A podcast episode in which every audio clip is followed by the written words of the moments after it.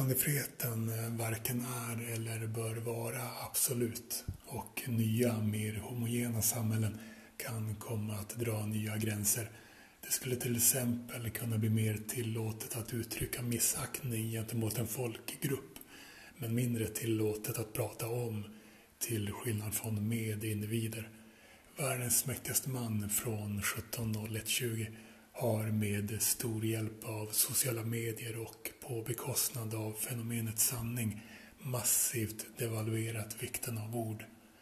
Ett sätt att på bred front försöka återställa den vikten är att i högre grad ta hjälp av lagstiftning.